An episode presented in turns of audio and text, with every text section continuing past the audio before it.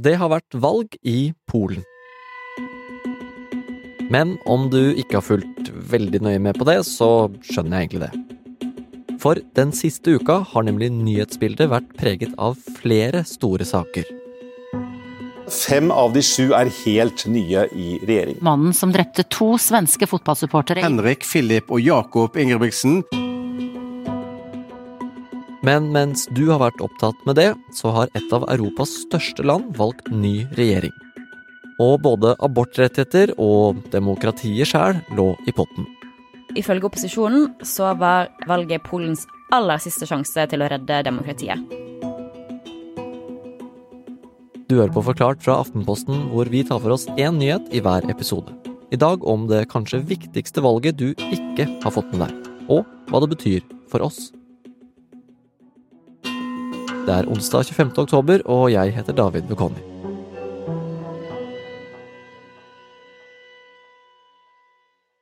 Polen har en av de aller strengeste abortlovene i Europa, og polske myndigheter og politi har den siste tida trappa opp kampen mot kvinner som tar abort, og det er sjøl i de tilfellene hvor det er lovlig.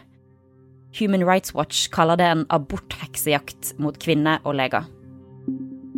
Det her er europakorrespondent Rakel Haugen Strand, som egentlig dekket valget i Polen før resten av nyhetsbildet eksploderte. Og en av de polske kvinnene som Human Rights Watch har snakket med, er Joanna. Joanna på 32 år forteller at hun svalgte ei abortpille. To uker seinere ringte hun psykiateren sin for å fortelle om aborten og om symptomer på sterk angst. Så sto plutselig politiet på døra hennes sammen med ambulansearbeidere, og Joanna ble frakta til et sykehus. Der så ble hun beordra til å kle av seg og sette seg på huk for en undersøkelse. Hun sier det at hun ikke lenger følte seg som et menneske. Innstrammingen som har vært i Polen, er det det høyrekonservative regjeringspartiet Lov og rettferdighet som har trumfet gjennom. Og abort ble også en viktig sak da polakkene valgte en ny regjering nå. Rakel, hvorfor er abortsaken så viktig for polakker?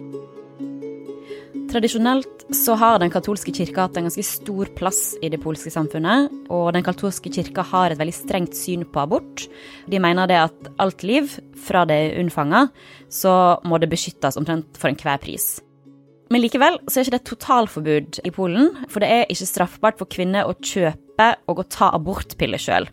Men det som er straffbart, det er å bistå ei kvinne i å skaffe og i å ta abortpiller. Og abortpillene blir nesten alltid kjøpt på nett.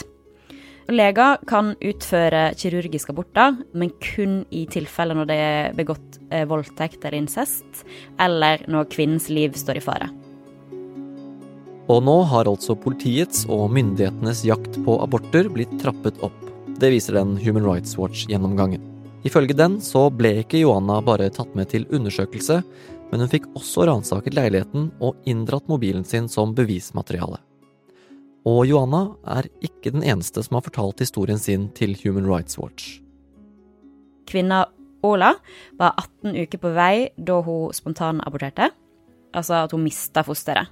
Og etter at hun hadde blitt behandla på et sykehus for ettervirkninger av den spontanaborten, så ble hun eskortert hjem av politiet. De endevendte kloakken hennes på jakt etter et foster eller bevis på at det hadde skjedd noe straffbart. Hun har i ettertid sagt at hun ikke gjorde noe ulovlig, at det var en spontanabort, og at det rett og slett var en tragedie for henne sjøl. Nå har abortkampen blitt tatt enda et skritt videre. For polske forskere har funnet opp en test som kan skremme enda flere fra å ta abort. I land hvor abort er forbudt i dag, så har kvinner blitt forsikra om at piller som tas for å abortere, har to fordeler. Det er at symptomene er de samme som ved en spontanabort, og at pillene ikke blir avdekka når man gjør rettsmedisinske tester. Men nå stemmer imidlertid ikke det siste, for polske forskere har utvikla blodprøve for å teste om kvinner har tatt abortpiller. Den forskninga fikk statsstøtte. Nå hevder noen at de testene vil kunne brukes til å skremme kvinner og begrense muligheten til å ta sikker abort. Og det er òg en frykt for at de her testene kan påvirke kvinner som bor i land hvor abort er kriminalisert, som i enkelte land i Sør-Amerika eller delstater i USA. Abortsituasjonen har gjort dette valget viktig for mange polske kvinner. Men hele demokratiet i Polen kan ha vært avhengig av valgresultatet. Nå kan det se ut til at en mann med navn Donald kan redde det.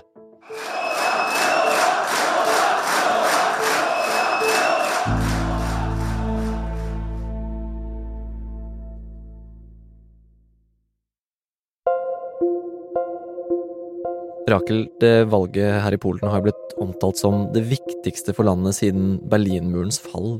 Hvorfor det? Det var rett og slett veldig masse som sto på spill. En ekspert som jeg snakka med i Polen, sier at det først og fremst var et valg om demokrati eller autokrati. Altså et type politisk styre der makta er samla hos noen få personer. Ifølge opposisjonen så var valget Polens aller siste sjanse til å redde demokratiet.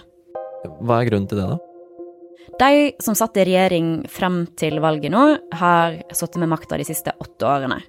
Og partiet heter Lov- og rettferdighetspartiet. De er blitt anklaga for å systematisk demontere det polske demokratiet på flere måter. Det de har gjort, er bl.a. å endre rettsvesenet, sånn at det blir politisk styrt, kontrollert av de eller av dommere som, som er lojale mot partiet. Og flere statlige medier skal òg ha blitt rene propagandamaskiner for den sittende regjeringa. I tillegg har åtte år med den høyrekonservative regjeringen gjort det vanskeligere for LHBT-minoriteten i landet. Lov- og rettferdighetspartiet har kjørt en kampanje mot LHBT-minoriteten, altså mot lesbiske, homofile, bifile og transpersoner.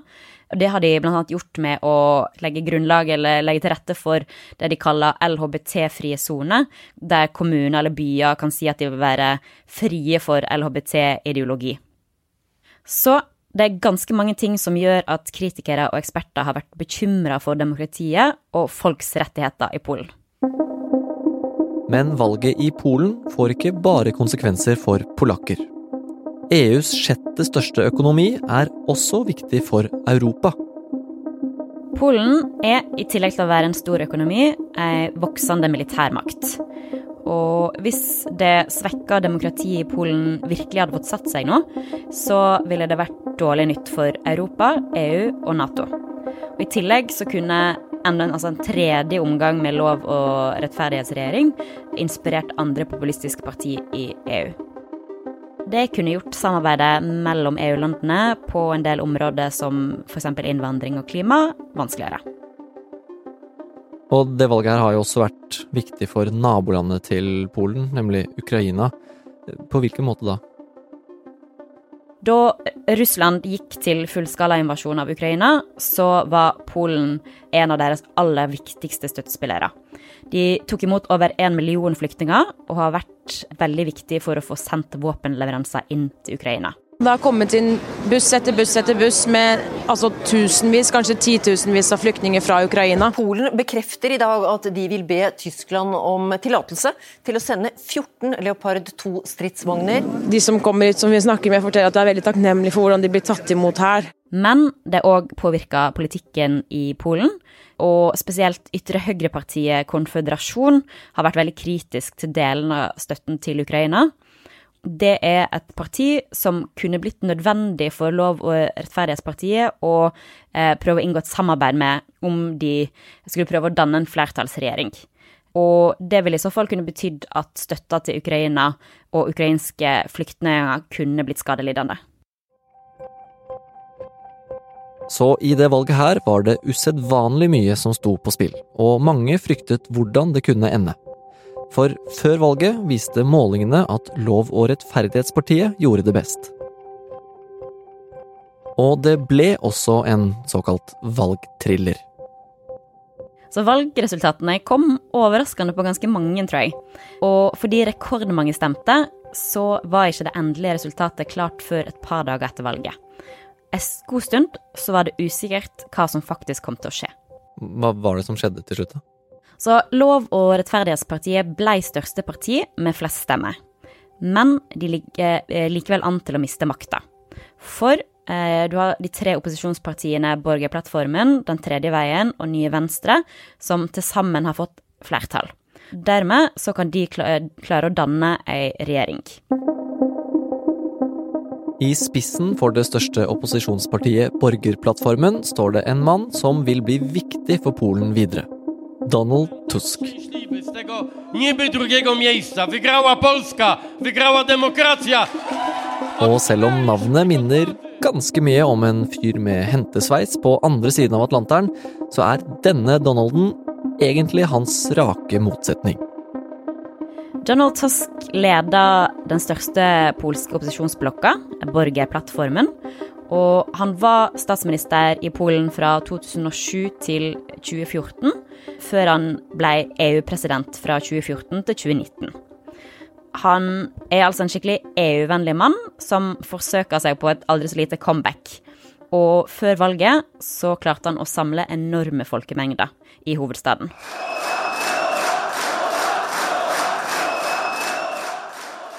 Han beskylda regjeringa de siste åtte årene for å lede Polen i ei autoritær retning og ha svekka landets demokratiske institusjoner. Ja, og nå som han eh, mest sannsynlig kan få danna en regjering, hvordan skal han snu Polen i en annen retning? Han har lova å rydde opp i rettsvesenet. Det kan gi Polen tilgang på 36 milliarder euro fra EU. For dette er midler som EU holdt tilbake som svar på at den forrige regjeringa la domstolen under politisk kontroll. I tillegg så er det et håp om at kvinner og LHBT-personer rett, sine rettigheter får bedre beskyttelse. Og abortforkjempere håper òg at det på sikt vil bety at abort blir legalisert. Og det betyr altså da at abort blir lovlig fram til tolvte uke. Men de tre opposisjonspartiene står ganske langt fra hverandre ideologisk, og du har fortsatt enkelte politikere i opposisjonen som er veldig konservative, så det er ikke sikkert at det blir så lett å få gjennomslag for en ny abortlov. Donald Tusk har også lovet å ta Polen tilbake i EUs gode selskap. Blant annet tror mange at han vil være mer med på EUs klimapolitikk, og at Polen vil satse mer på grønn omstilling fremover. I tillegg regner man med at behandlingen av flyktninger og andre migranter som kommer til Polens grenser, vil bli bedre.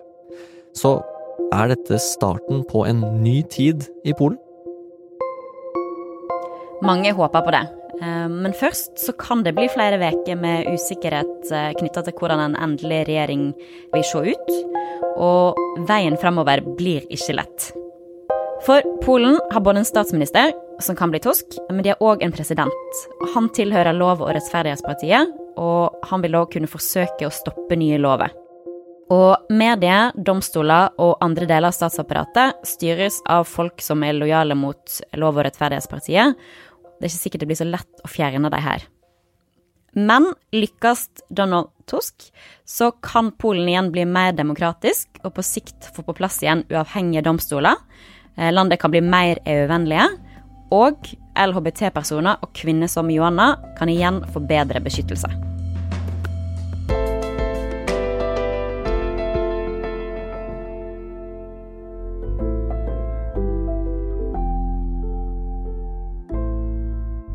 Du har hørt en podkast fra Aftenposten. Det var Rakel Haugenstrand som tok deg gjennom det viktige valget i Polen. Lyden du har hørt er fra NRK, TV 2, VGTV og nyhetsbyrået AP. Denne episoden er laget av produsent Olav Eggesvik, Jenny Førland og meg, David Bekoni. Og resten av Forklart er Synne Søhol og Anders Weberg. iPaden. Hvordan i all verden kom den seg inn i norske klasserom? Nesten uten protester? Hør historier om gode intensjoner, en fraværende stat og en etterpåklok kunnskapsminister.